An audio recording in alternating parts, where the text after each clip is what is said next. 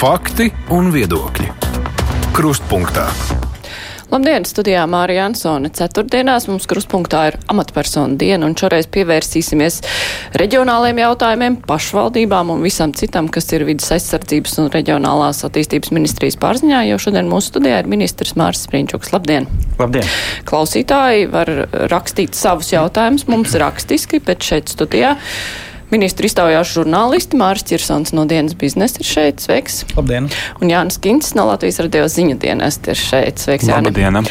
Jā, sākšu ar Rīgas domu. Tur ir liela skaistlības un šūpošanās koalīcijā, bet viena no nu, tādām nosacītām komponentēm tajā visā ir arī, kas pastiprina problēmas Rīgas mēra, ir aicinājums no viena deputāta arī jums izvērtēt Mārtiņa Staķa komandējumu liederību un domāt par to, vai viņš nav jāatstāda no amata. Kā jūs rīkosieties šajā situācijā?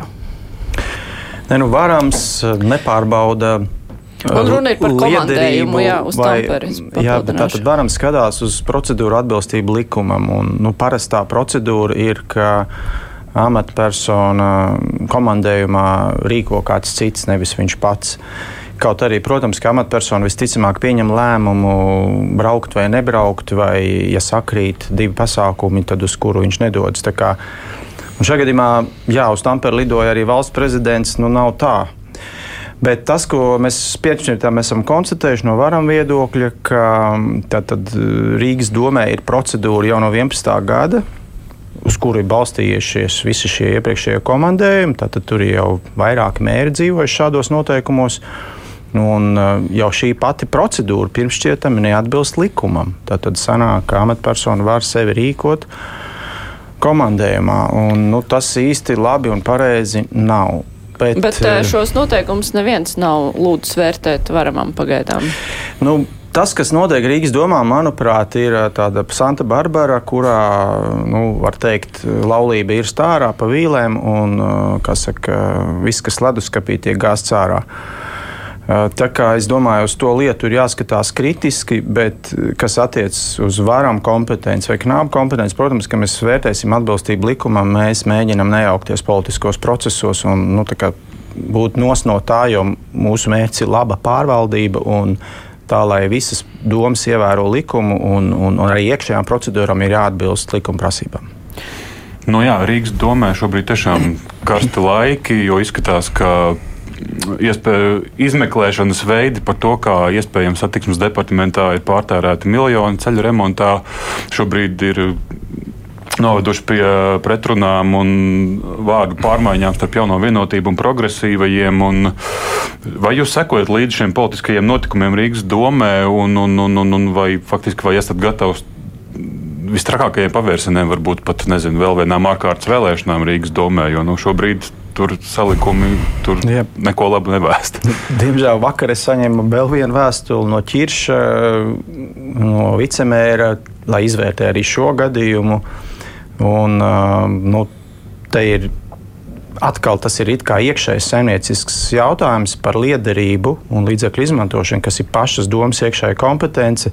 Bet tas, ko es redzu, ir, jā, ka tā mīlestība starp partijām, starp progresīviem jauno vienotību ir zudusi, tur iet eh, karsti. Un tiek nu, mēģināts pastiprināt šos notikumus, iesaistot ministru prezidentu vai varam ministru, lai kaut kādā veidā dabūtu nostāšanos vienā vai otrā pusē. Nu, es jau iepriekš esmu to deklarējis, ka nu, varam ir. Nu, skatās uz, uz to, lai mēs ievērotu likumu, lai pašvaldības uzlabotu savu tiesisko vidi, bet mēs mēģinām distancēties no iekšējās politikas. To būtu jādara partijām, kas ir pārstāvētas domē, vai vēlētājiem eh, jāvērtē savu partiju rīcību. Un, nu, šobrīd, protams, ir diezgan paradoxāli, kad tie divi spēki Rīgā šķirās un, un savukārt valdībā grib iet kopā nu, kas ir varbūt Latvijai specifiski, ka tā tad nu, amati augstāk par visu. Nē, bet pēc būtības šis uh, vicemērā vēlme izveidot plašāku izmeklēšanas komisiju, viņi taču pilnīgi neko neiztraucē šajā apstākļu noskaidrošanas uh, lietā, vai ne? Jo, nu, nu, kas, ka viena izmeklēšana jau ir sākta no vienas puses, tas ir progresīvo arguments. Nu, Ne, nu, tas ir tas, kas domāju, ir jādara. Ja viņiem ir šaubas par līdzekļu efektīvu izmantošanu, vai izpildu direktora atbildību, vai spiedieniem, vai vēl ko, nu, tas viņiem būtu jādara. Šajā gadījumā šeit nu, īsti varam lauciņš nebūs. Te ir iekšējais stāsts par līdzekļu efektīvu izmantošanu, jā, kas ir pašvaldības tiešā funkcija. Tad viņiem pašiem ir jāvērtē savi līgumi un, un, un, un, vai viņi ir labā pārvaldībā. Māri. Es tomēr gribēju pieķerties pie cik tomēr nosaukuma arī reģionāla attīstība. Kāda ir situācija šobrīd ar reģionālo attīstību? Jo, kā mēs zinām, tāpat visi brauc uz Rīgu strādāt vai pie Rīgas strādāt. Nu, un, principā, tajos reģionos ir tā, kā ir. Kā ir ar to reģionālu attīstību? Un varbūt arī vēl viens specifisks jautājums pašvaldībām, vai viņas var iztikt nosacīti bez dotācijas no centra. Tā drīkst izteikt. Tas ir pašvaldību izlīdzināšanas fonda. Mm -hmm. Jā, reģionāla attīstība ir karsts jautājums, un man kā ministram ir ļoti bieži, es teiktu, bezmaz katru sadarbības padomu sēdi vai valdības sēdi nāks par šo jautājumu runāt, jo ir lietas, kas tieši ietekmē reģionus. Nu, kaut vai šobrīd ir diskusija par skolu tīklu, slimnīcu pakalpojumiem, tālāk būs diskusija par iekšlietu vai, vai, vai sociālās aprūpes, ugunsdzēsīs pakalpojumiem, mans piedāvājums ministriem ir ka ir jāveido tomēr koordinēta pieeja. Nevis mēs to asti cērtam pa gabaliņam, un iedzīvotāji reģionos nesaprot, vai tad vispār te paliks kādi pakalpojumi, bet tomēr ir jāveido pretēji pieeja, ka valdība nāk ar kompleksu redzējumu. Ir izveidotas 43 pašvaldības, un mums ir jāveido noteiktu pakalpojumu grozs. Minimālam grozam ir jābūt katrā no 43 pašvaldībām. Nevar būt pašvaldība, kurā nav pieejams valsts policijas pakalpojums, vai nav veselības pieejamība, vai nav veco ļaužu aprūpes iespējas. Nevar būt tāda pašvaldība, kurā nav vidusskolas. Un tātad tas būtu, lai dotu skaidrību, ka valsts attīstība vai sadarbība starp valsts ja ministriju pusi un pašvaldībām ir tomēr nu, kaut kādā veidā koordinēta un plānota. Nākamais jautājums, protams, ir izmaksu un efektivitātes un sekošana līdzi dažādām nu, teiksim, demografiskām tendencēm. Bērni paliek mazāki, seniori paliek vairāk. Tātad, kā mums saimnieciski rīkoties, lai būtu efektīva saimniecība, lai būtu, nebūtu rindas un lai skolās pietiktu pedagoģi.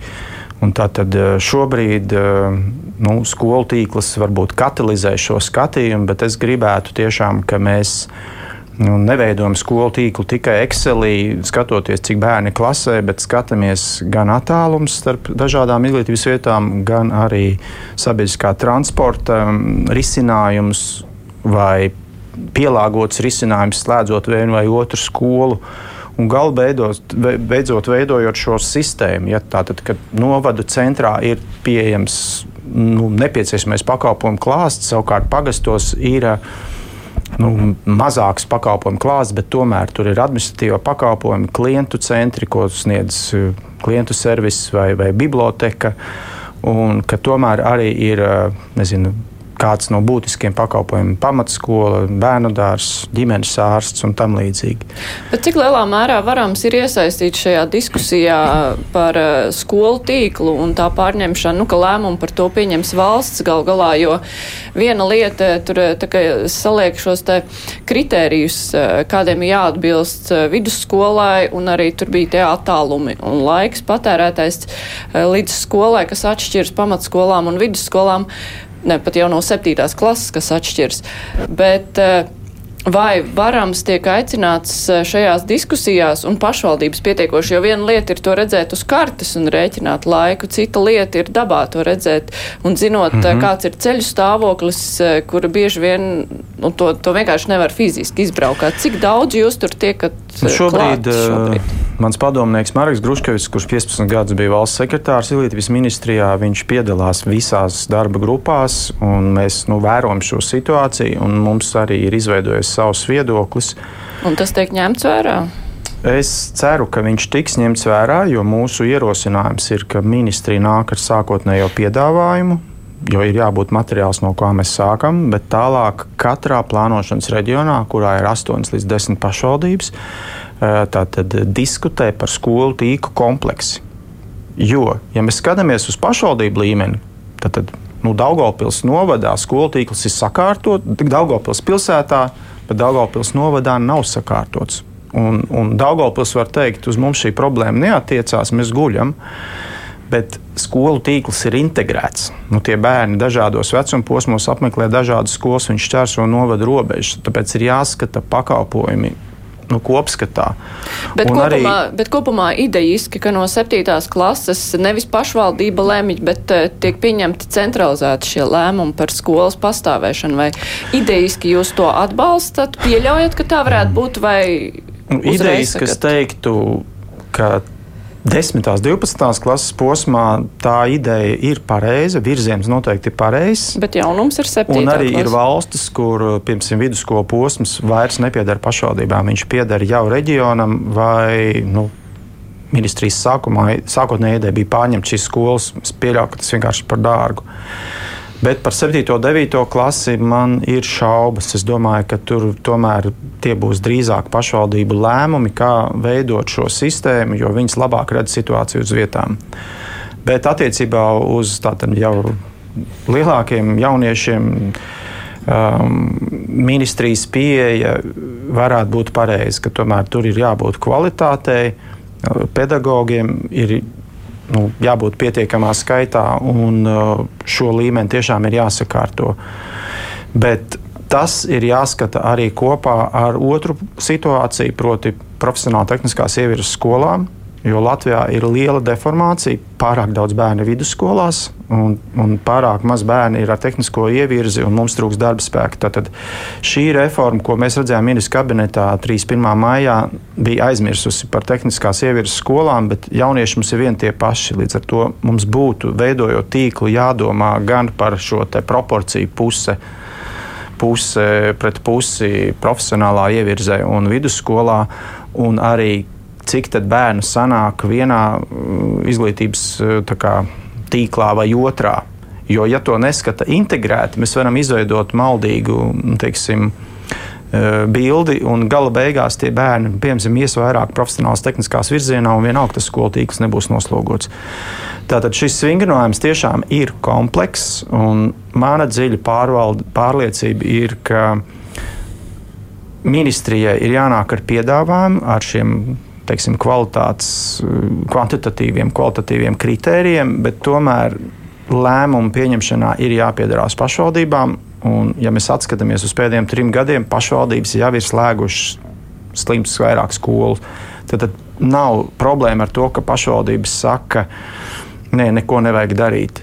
Viņas ir gatavas šīm pārmaiņām, bet nu, viņas tomēr gribētu piedalīties, jo gala beigās tie ir iedzīvotāji, nu, kuriem ir jādzīvo. Un, un, un gala beigās šeit nav tikai viens nozars pakalpojums. Tas ir ceļu jautājums, tas ir sabiedriskā transporta vai skolēnu pārvadājumu risinājumi.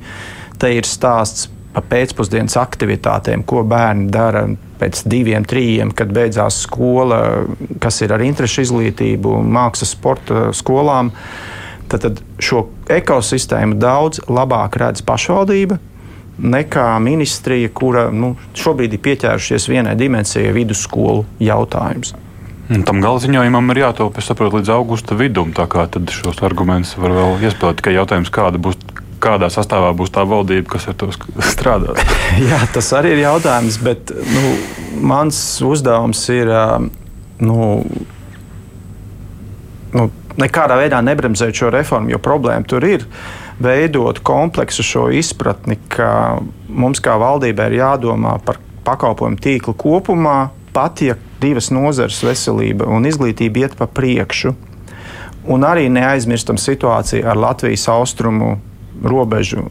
Nevar būt tā, ka šī teritorija vairs nav apdzīvota, ka tur veidojās novadi bez pakalpojumiem un ka cilvēki nu, vairs nesaprot pašu savu valsti. Un, nu, šajā ģeopolitiskajā situācijā mums ir ļoti svarīgi, ka, ka šie cilvēki ir lojāli valstī un nevar varā vārtus, bet eh, drīzāk cep saindētas pīrādziņas, nu, ja būtu tāda stunda X. Un ir ļoti būtiski nepazaudēt arī cilvēku, kurš ir aiz zīmēm Excel tabulām. Un, un šajā ziņā tiešām man, man, man gribētos, ka pašvaldības un valdība nu, iet vienu ceļu, viņi veido vienu projektu un sadarbojās, nevis pretdarbojās. Mm. Es tomēr gribētu atgriezties pie pašvaldībām un viņu faktiski finansiālām iespējām kaut ko uzturēt bez uh, palīdzības no pašvaldību izlīdzināšanas fonda. Cik tādas ir un kas tad ir ar tām pārējām? Nu, šobrīd pašvaldību finanšu sistēma ir iebraukusi grāvī.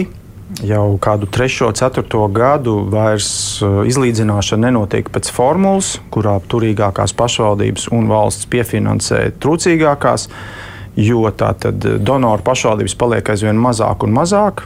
No lielajām pilsētām vairs tikai Rīga piedalās. Un arī no pierīgas novadiem, kas ir donori, jau ir dono, donoriem izkritusi salas pilsēta, piemēram. Ja? Tad, tad donori ir daudz par maz un saņēmēji ir daudz par daudz. Un arī, ja mēs paskatāmies, kur šie līdzekļi aiziet, viņi pamatā nevis aiziet uz šiem austrumu pierobežu, kur ir nabadzīgākās pašvaldības ar grūtībām pildīt pakalpojumus. Viņas aiziet pamatā uz lielajām pilsētām, tā skaitā spēcīgām ražošanas pilsētām. Un tā sistēma iznāk pat vairs nav taisnīga. Tad viņai ir jāveido izlīdzināšanā pilnīgi jauna filozofija. Eh, cik tālu pašvaldības eh, palīdz viena otrai un kur valsts piedalās ar citiem nodokļiem Jo šobrīd eh, pašvaldības sistēmā valsts līdzdalība ir, ir gandrīz nonulēta. Viņa ir ļoti, ļoti, ļoti minimāli palikusi. Un, un otrs ir varbūt jāskatās arī uz kopējo pašvaldības sistēmu, kā veidojas pašvaldības nodokļi. Jo šobrīd pašvaldības nodoklis veidojas pēc iedzīvotāja guļvietas, tātad 80, ne, 75% no iedzīvotāja ienākuma nodokļu aiziet uz pašvaldību, kur cilvēks ir deklarējies, un nav nekāda sasaiste ar to, kur šis cilvēks strādā pašvaldību ieņēmumiem nav nekādas sasaistes ar pievienoto vērtību, kas veidojās pieaugot mežaudzes vērtībai, kuru gan cērt nu, trīs reizes simts gados. Um, vai arī nekustamā īpašuma nodokļa nozīme ir ļoti minimāla, un nekustamā īpašuma nodoklis formāli skaitās pašvaldību nodoklis, bet likums ir ļoti diktēts no valsts puses. Viņš ir filozofiski nepareizs, kurš pašvaldībai dod ļoti mazu elastību veidot sev loģisku sistēmu. Tad ir jāveido tāda nodokļu sistēma, kas veicina ienākumus un biznesa iesaisti pašvaldībā, lai pašvaldībā arī daļa no biznesa nodokļiem paliktu, vai no cilvēkiem, kas strādā viņas novadā, paliktu, un arī no visa veida dabas pamatnes izmantošanas, vai tas ir lauksaimniecība, mežsaimniecība vai karjeri kaut vai caur dabas resursu nodokli. Tātad šim nodoklim ir jābūt izteiktam pašvaldību nodoklim, jo visas arī tās problēmas ar izbraukātiem ceļiem. Grāvjiem, nu, piedodiet, tās ir pašvaldību problēmas. Šobrīd iznāk, ka var nocirst mežu, sabojāt ceļus un nenorēķināties. Bet uh, pirms apmēram pusgada jūs bijāt šajā studijā, nesen stājies amatā. Un uh, mēs jau runājam par to, ka šī izlīdzināšanas sistēma nav pareiza, ka tā šobrīd labi nestrādā un ka ir jāveic izmaiņas. Vai kaut kas ir darīts, lai šīs Jā. izmaiņas rosinātu, vai tas tiek eh, apspriests visu, ko jūs minējāt tajā nodokļu grupā, kas eh, valdībā tiek veidota, lai uzlabotu visu nodokļu sistēmu, vai tas iet kaut kā atsevišķi? Nē, tā ir cita nodokļu grupa. Strādā jau kopš aprīļa. Un tajā piedalās mans padomnieks Andris Miglaus. Tad, tad, jā, tas ir kā finanšu ministrijas lauciņš, bet varam nāk ar savām idejām. Un, nu, es teiktu, šo jauno filozofiju, ko es tikko mēģināju stāstīt. Tātad, ka pašvaldībām ir nu, jābūt vērstam uz ne tikai pakalpojumu sniegšanu, bet arī uz veidu, biznesa platformas, jeb nodokļu platformas veidošanu uz vietām. Un gala rezultātā arī visa veida saimnieciskās lietas, kas notiek, kaut vai vēja ģeneratori. Tur ir tieši neviena darba vieta, bet tomēr tas kādam rada ienākums. Ir jābūt kaut kāda veida kompensācijām, atskaitījumam pašvaldībām, kas nu, rada kaut, kaut kādu atmaksu par šo diskomfortu, ko rada um, mirguļošana vai, vai, vai, vai, vai, vai, vai ainavas izmaiņas un tam līdzīgi. Tad, tad veidot politiku, kurā pašvaldības nav lūdzējas, kuras dzīvo no izlīdzināšanas nu vai no kaut kādām valsts piešķircēm. Mums ir jāmaina virziens uz to, ka pašvaldības pašas veido ekosistēmu. Bet tad šie jautājumi jau no tiek lēmumiem. apspriesti. Tas, ko jūs minējāt, tas jau ir ierosināts un tiek Jā. jau apspriests. Vai ir zināms, kāda ir atsaucība?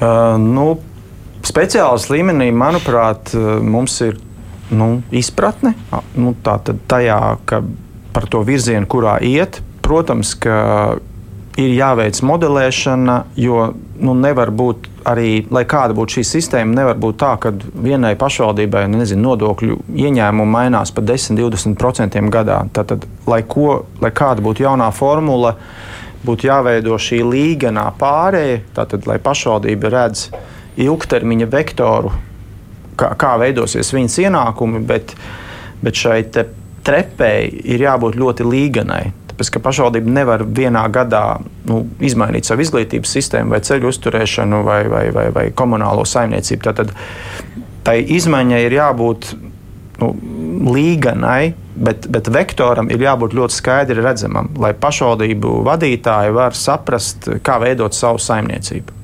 Mums ir viens klausītāja jautājums par uh, varam kompetenci, par ko mēs sākumā mazliet jau runājām. Uh, tieši par pašvaldības darbu pāraudzību un tā vēstuli no sabiedrības par atklātību Delna. Eh, bet arī citi klausītāji par tām lietām interesējas, eh, viņi raksta, ka komunikācija ar varam liek domāt, ka ministrijas kompetence šai pāraudzības eh, jautājumā ir ļoti ierobežota. Deputāta atbilstības amatam vērtēšana varam atstāja iedzīvotāju ziņā, ētikas jautājumu risināšana atstāja ētikas komisijas ziņā, un pašvaldībās, kur tāda komisija ētikas kodeks nemaz nav tajā skaitā. Un pašvaldības domas darbību un pieņemtos lēmumus varam nesot kompetences vērt, vērtēt. Tad kā konkrēti varam varam, var šo veidu, šo pašvaldību pāraudzību, ko varam var darīt, lai sekmētu tiesisko darbību, par ko jūs arī sākumā minējāt, ka jums ir jāuzlabo jā. tiesiskā situācija, tad ko jūs īsti varat izdarīt, lai uzlabotu? Tātad, jā, mans viedoklis ir, ka Latvijas modelis, kurā varams kontrolē pašvaldības, ir greizs. Un es patiesībā nezinu nevienu Eiropas Savienības dalību valsti, kurā tā darītu kurā pašvaldība var atcelt mēru vai pašvaldības pieņemtos lēmumus. Tas nav pareizs demokrātisks modelis, jo ievēlētos deputātus pašvaldībā viņus ievēl iedzīvotāji, un deputāti neatskaitās ministram vai ministrijas ierēģiem, viņi atskaitās vēlētājiem. Jā, bet pašvaldības dzīvo likumu pasaulē, un likumi jāievēro ir visiem. Un šajā gadījumā šī pāraudzība par likumiem ir saskaldīta. Varam pēc likuma atbild tikai par viena pašvaldību likuma atbilstību. Ja mēs runājam par finanšu līdzekļu izmantošanu, tā ir domas atbildība un valsts kontrolas atbildība. Ja mēs runājam par labu pārvaldību, bosingu, mobbingu, tad to kontrolē tiesības sargs. Un, ja mēs runājam par kādām kriminālām nodarbēm, tad tā ir valsts policija. Ja? Tad, tad šī likuma uzraudzība valstī ir sadalīta Un atkarībā no nodarījuma veida, tad eh, vai nu to nu, risina pati pašvaldība, vai arī ir šīs dažādas valsts institūcijas, kas pārauga. Jo vērams nav superpolicists par jebkuru lietu. Nu, teiksim, nu, mums vienkārši likums nav devis šo pilnvaru. Bet, ja es runāju, kā būtu jāiet likumam, tad es teiktu, varamam ir jāveido visa veida mehānismi. Lai deleģētu vairāk atbildības pašām pašvaldībām un dotu lielākas iespējas iedzīvotājiem prasīt no deputātiem atskaitīšanos. Tā ir skaitā iespējas iedzīvotājiem, jā, tas ir jau referendumu, pašvaldību referendumu likums ir pieņemts. Jā. Bet eh, jautājums, vai tajā paredzētās iespējas ir pietiekoši elastīgas, lai cilvēki to viegli varētu izmantot? Man nepatīk tas likums, ko iepriekšējā valdība sagatavoja, proti, kvalifikācijas slieksnis, lai referendums būtu uzskatīts par pietiekamu, ir pārāk augsts. Ja nemaldos, tur bija 35% no, no vēlētāju skaita. Atceramies, iepriekšējās vēlēšanās mums atnāca kopā nezinu, 39 vai 40%. Tā tad sanāk, ka pilnīgi. Nu, Par, par šādu jautājumu, kas nav vispārējās vēlēšanas, bet ir šaurāks jautājums, ja nu, ir jāatnāk tikpat cilvēkiem kā uz vispārējām vēlēšanām. Manuprāt, tas slieksnis ir par augstu, plus lai, lai, lai viņi pieņemtu gandrīz visiem nu, partiju, dažādu partiju deputātiem jābalso vienādi, kas ir diezgan nereāli. Manuprāt, šo slieksni varētu padarīt arī zemāku, ja mēs tiešām gribam iedzīvotāju kontroli par ievēlētām amatpersonām un likt viņiem atskaitīties nevis reizes četros gados, bet eh, katru, katru pusgadu. Ja. Protams, eh, referendums nevarētu rīkot par budžetu vai nu, tādiem jautājumiem. Ja. pacelt nodokļus vai, vai, vai, vai, vai, vai pazemināt, bet par labu pārvaldību vai par nezinu, šajā gadījumā apvienotie novadi, vai viņi ir apmierināti ar, ar lietu kārtību, pakalpojumu pieejamību. Es domāju, ka šīs lietas būtu pat ļoti veselīgas. Un Gala beigās es atkārtošos, deputāti atskaitās saviem vēlētājiem, saviem iedzīvotājiem, nevis varam ministram. Varam ministram ir jādomā, kā veidot labāku pārvaldību, kurā virzienā iet ar likumiem, nevis eh, tā ir patiesības ministrija, kura pātago mērus un, un, un, un pēc manas mērauklas eh, kāds tiek žēlots vai sodīts. Ja, tas, manuprāt, rada arī politiskus tādus angažētības riskus. Un mēs arī iepriekšējā mēra rīcī, ministra rīcībā redzējām, ka tika apturēts Rīgas plānojums uz gadu, kas ir radījis milzu kaitējumu ekonomikai, un gala beigās viņš ir izrādījies gan tiesisks brāķis, gan arī politiski nepareizs no jebkuras loģikas, jo valdība nebija lēmusi vai diskutējusi par šo lietu, tā tad bija skaidri redzami politiski motīvi izrēķināties politiķiem savā starpā. Un, manuprāt, arī šis varam mandāts būtu jāpārskata un jāstiprina demokrātija, nevis e, varam ministra pātagas garums.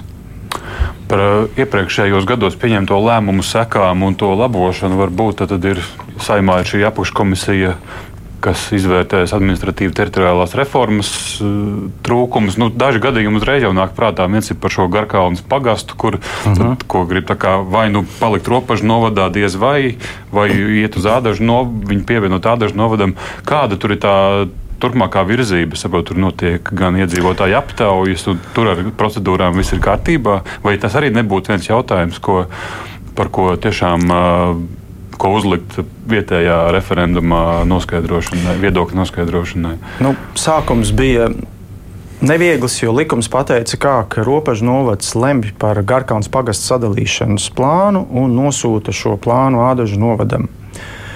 Un, uh, sākotnējā procedūra, manuprāt, nebija veiksmīgi izvēlēta. Tātad bija plānots aptaujāt visu novadu. Nu, vai jūs gribat, ka Garkalna vai kāda tās daļa atdalās? Nu, tā skaitā arī paši, paši garkalnieši, kā arī ko mēs redzējām, tika veikts kaut kādas aģitācijas ar nu, nedaudz sagrozītiem datiem, rādot nu, tādu deformētu bildi. Nevis, nu, jo godīgs aina būtu veidā, ja Garkaunas ieņēmumi netiek rādīti, un tad, piemēram, nu, sacenšas divi novadi, kur tad ir kas labāks vai sliktāks. Tā kā, manuprāt, Šeit es redzu veidu. Mums arī otrdien notika laba tikšanās um, robežu novadā ar deputātiem. Un, un, un arī ādašu pārstāvjiem tad tika gūta skaidrība par veidu, kā šo procedūru izvest. Proti, ka aptaujas subjekts būtu Garkaunas pagasta iedzīvotāji. Un, uh, tā tad um, tika modelēti scenāriji un plānošanas reģions uh, izvērtēs eh, dažādas tiesiskās alternatīvas, kas var izveidoties dažādos iedzīvotāju balsojumu veidos. Nu, kā piemēru, ja Garkaunas ciems viss izlēma pievienoties ādažiem, tad tiek nogriezti vangaži. Un sanāk, ka vangaži, kas nav šī likuma subjekts, kuri var balsot pa labi vai pa kreisi, viņi vairs nesavienojas ar robežu novadu. Un tad jautājums ir, ko darīt tālāk, vai jāgroza likums un arī vangažiem likt balsot, ka viņi grib labāk ādēt šo robežu, vai, vai arī tiek veidot kaut kāds dzīvības ceļš starp robežiem un vangažiem. Nu, tie ir tie jautājumi, kuri ir jāatrisina pirms aptaujas, nevis uh, iedzīvotāji nobalso un tad visi domā, ko lai tagad dara, jo demokrātija ir notikusi. Līdz ar to varam priekšlikums ir tiešām nu, laika vēl pietiek eh, septiņreiz mērīt un tad vienreiz griezt. Iedzīvotājiem ejot uz vēlēšanām, jābūt pilnīgi skaidrai izpratnē par procedūru un par sekām, kas notiktu. Un tad es teiktu, mēs varam sagaidīt tiešām iedzīvotāju līdzdalību, jo viņi saprot procesu. Ja ir duļķains ūdens, tad eh, redzot arī, kā notika iepriekšējā Garkaunas pagasta piedalīšana, tā ādažiem, tā robežiem, tā nu, iedzīvotāji jau ir zaudējuši kaut kādu uzticēšanos. Eh, es tiešām gribētu, ka visas tālākās reformas, kas notiek, eh, korģējot kaut kādas robežas, notiek pamatā balstoties uz iedzīvotāju gribu. Jo, nu, piedodiet, mums pieder šobrīd viss pasaules laiks. Mēs varam izdarīt to lietu kvalitatīvi, nevis tādā, nu, teiksim, tirgū, kā bija tajos nu, divos gados, ko, ko, ko, ko izdarīja iepriekšējā valdība. Un, diemžēl mums ir sanācis brāķis. Tātad viss pasaules laiks tas būtu līdz nākamajām pašvaldību vēlēšanām. Jā, mums ir jāpaspēj procesi uz 25. gada vēlēšanām Varakļānos un Garkalnē. Varam veikt tādu tā pirms uh, izvērtējumu reformai par pirmajiem reformas trim gadiem, kas ir notikuši no 21. līdz 24. nākamgad, kas varētu veidot pamatojumu nākamajām reformām, jo tas, ko mēs redzam, no nu, lielo pilsētu atdalīšana no pieguļošiem novadiem, piecu pilsētu, ir neloģiska, kaut vai skolu tīkla sakārtošanas sakarā, kā arī ir novadi, kas izskatās nav dzīvotspējīgi. Un ir novadi, kuros joprojām ir sarūktinājums par to, kur viņi ir iedalīti. Bet nu, ne jau dēļ sarūktinājuma mēs tagad mainām robežas. Tad, tad ir svarīga arī metrika, tātad, kas ir noticis ar investīcijām, ar pakalpojumu pieejamību, tātad, kā ir četrus gadus saimniekojuši vai trīs gadus šīs pašvaldības. Mm. Un, uh, varbūt šur tur var saņemties un kaut kur iespējams, ka tiešām var notikt arī robežu pārskatīšana, jo mēs esam demokrātiska valsts un šādas tiesības nu, no kāda atdalīties vai, vai kādam pievienoties, nu, mums būs mūžīgi mūžos. Vai jūs pieņemsiet kādus lēmumus saistībā ar jūrmālas caurlaidēm? Iepriekšējais ministrs šos noteikumus apturēja, satversmes tiesa vēl tikai būs. Jūrmāla mm. gribētu, lai jūs ļaujat pa vidu ātrāk, vai jūs kaut ko lemsiet? Jā, saskaņā ar jauno pašvaldību likumu Jūrmala drīkst ar saistošiem noteikumiem regulēt savu stāvvietu politiku vai caurbraukšanas politiku, kā tas nebija iespējams ar iepriekšējā pašvaldību likuma. Līdz ar to tātad, eh, varam, ir jāvērtē šie saistošie noteikumi, un jāvērtē sabiedriskās apspriešanas, kas ir bijušas. Acīm redzam, tas nonāks arī uz mana galda. Jūrmala ar mani nav konsultējusies. Es tiešām gribu redzēt pamatojumu, jo nu, tā pirmšķietami skaidrs, ka visām piejūras pašvaldībām ir šī problēma ar nu, milzīgu automašīnu plūsmu, automašīnu novietošanu piekrastē nu, šos vasaras karstos mēnešus. Un, um, Bet šeit ir runa par ziemu. Tieši arī. tā. Līdz ar to ir svarīgs pamatojums no pilsētas, kā viņi pamato nevis eh, karstos mēnešus, bet visu gadu, vai šeit ir eh, kaut kādi arī datos balstīti lēmumi. Un, um, nu, kāds arī šis fiskālais mērķis, kam kalpot šie ieņēmumi, ja lai nav tā, ka mēs vienkārši uztaisām muitu. Līdz ar to mēs vērtēsim. Nu, kā, kā, kā tas ir darīts. Un, un, un, jo, ja tas rada precedentu, tam būs sekas arī citās pieejamās pašvaldībās. Mums būtu tiešām jāskatās ļoti rūpīgi, lai tas ir pamatots un labā pārvaldībā. Jūs gribat teikt, ka Talsi, Tukums, nezinu, Ventspils novads, ka tur dienvidu kurzemes tagad arī varētu kaut ko līdzīgu ieviest? Varbūt ne, arī Limbaģī varētu kaut ko ieviest, tad jau arī visi varētu ieviest. Un, es principā, kāpēc ne? domāju, ka tādas pašvaldības kā Lapmešciems, Salkrastī, um, Cernikavas, Pagasts. Nu, tātad, nu, tur ir problēmas ar milzīgu skaitu mašīnu, kuras aizbarikādē ielas, iebraucamos vārtus, māju priekšā un tam līdzīgi. Un, un tas, kas notiek šajās uh, ciematos, ir um, zīmes iebraukt aizliegts vai ķieģeļi. Un, un, un sanāk tā, ka šīs pilsētas ir ļoti neviesmīlīgas pret viesiem. Un, un, kā, lūdzu, brauciet kaut kur tālāk. Tas nav labi. Labāk ir, manuprāt, veidot kaut kādu skaidru politiku. Vai tā kā jūrmalā, kad piemēram ir iebraukšanas maksa, tranzītam, vai arī ir iebraukšanas maksa pie tilta, bet ir bezmaksas stāvvietas iekšpusē. Tas ir viens modelis. Ko nu, var izdarīt šādas pilsētas, kur ir caurbraucošs ceļš un kur, kuram ir apveces ceļu iespējas. Bet e, drīzāk jau būs daža, dažāda veida šī maksas stāvvietu politika. Piemēram, kad es biju ādažmērs, mēs izveidojām principu sekojošu. Tātad, ja cilvēks parkojās pie dzelzceļa, kas ir kilometru divs no jūras, tad mašīnu stāvvietas ir pavelti. Stāv kaut visu dienu vai piecas dienas. Ja tu gribi iebraukt kāpās, un mums tāds stāvvietas ir četras, tu maksā 2,50 eiro stundā. Un, kas ir ļoti, ļoti dārgi. Tātad, izņemot invalīdus vai, vai, vai tātad, nu, komunālos kaut kādus dienestus. Tātad šī ir pieeja, kura klientam ļauj izvēlēties nu, teiksim, ekoloģiski draudzīgāku veidu, vai arī, nu, teiksim, nu, ja viņš grib iebraukt jūrā maz, tad, tad viņš par to maksā dārgāk, jo stāvvietas skaits ir ierobežots. Un ir ļoti būtiski, ka visas piejūras pašvaldības veido atvērtību pret viesiem un tomēr arī sava veida spēles noteikumus attiecībā uz šo sezonālo plūsmu. Ja, es teiktu, Jūrmāla, protams, ir lielākais kā kurorta pilsētas spēlētājs, bet šī problēma ir visās piejūras pašvaldībās un piejūras cīmos, nu, īpaši gar jūras līdzi. Bet vai šo jūsu minēto praksi ar šo stāvvietu cenām un šo politiku varētu vienkārši īstenot nu, tā, lai visur apmēram vienādi? Jautājums ir, protams, par stāvvietas cenu uz to stundu. Tas varētu atšķirties, bet principā princips būtu izcils, ja viņš būtu vienots viscaur. Nevis vienā vietā būs iebraukšanas maksa, otrā vietā būtu stāvvietas, trešais, nezinu, vēl kaut kas savādāks. Tāpēc šis jūrmālas gadījums ir ļoti svarīgs, jo visas piejūras pašvaldības tiešām viņus skatās. Un arī šeit ir svarīga nevis šī te, nu, tehnika vai spēles noteikumi lietotājiem, bet arī šo līdzekļu izmantošanas mērķis, jo tātad, tas ir spēckons, kurā ir ieņēmumi. Un, teiksim, Ādažu novadā mūsu loģika bija tāda, ka tas nav veids, par ko pašvaldība uzvārās pēdiņās.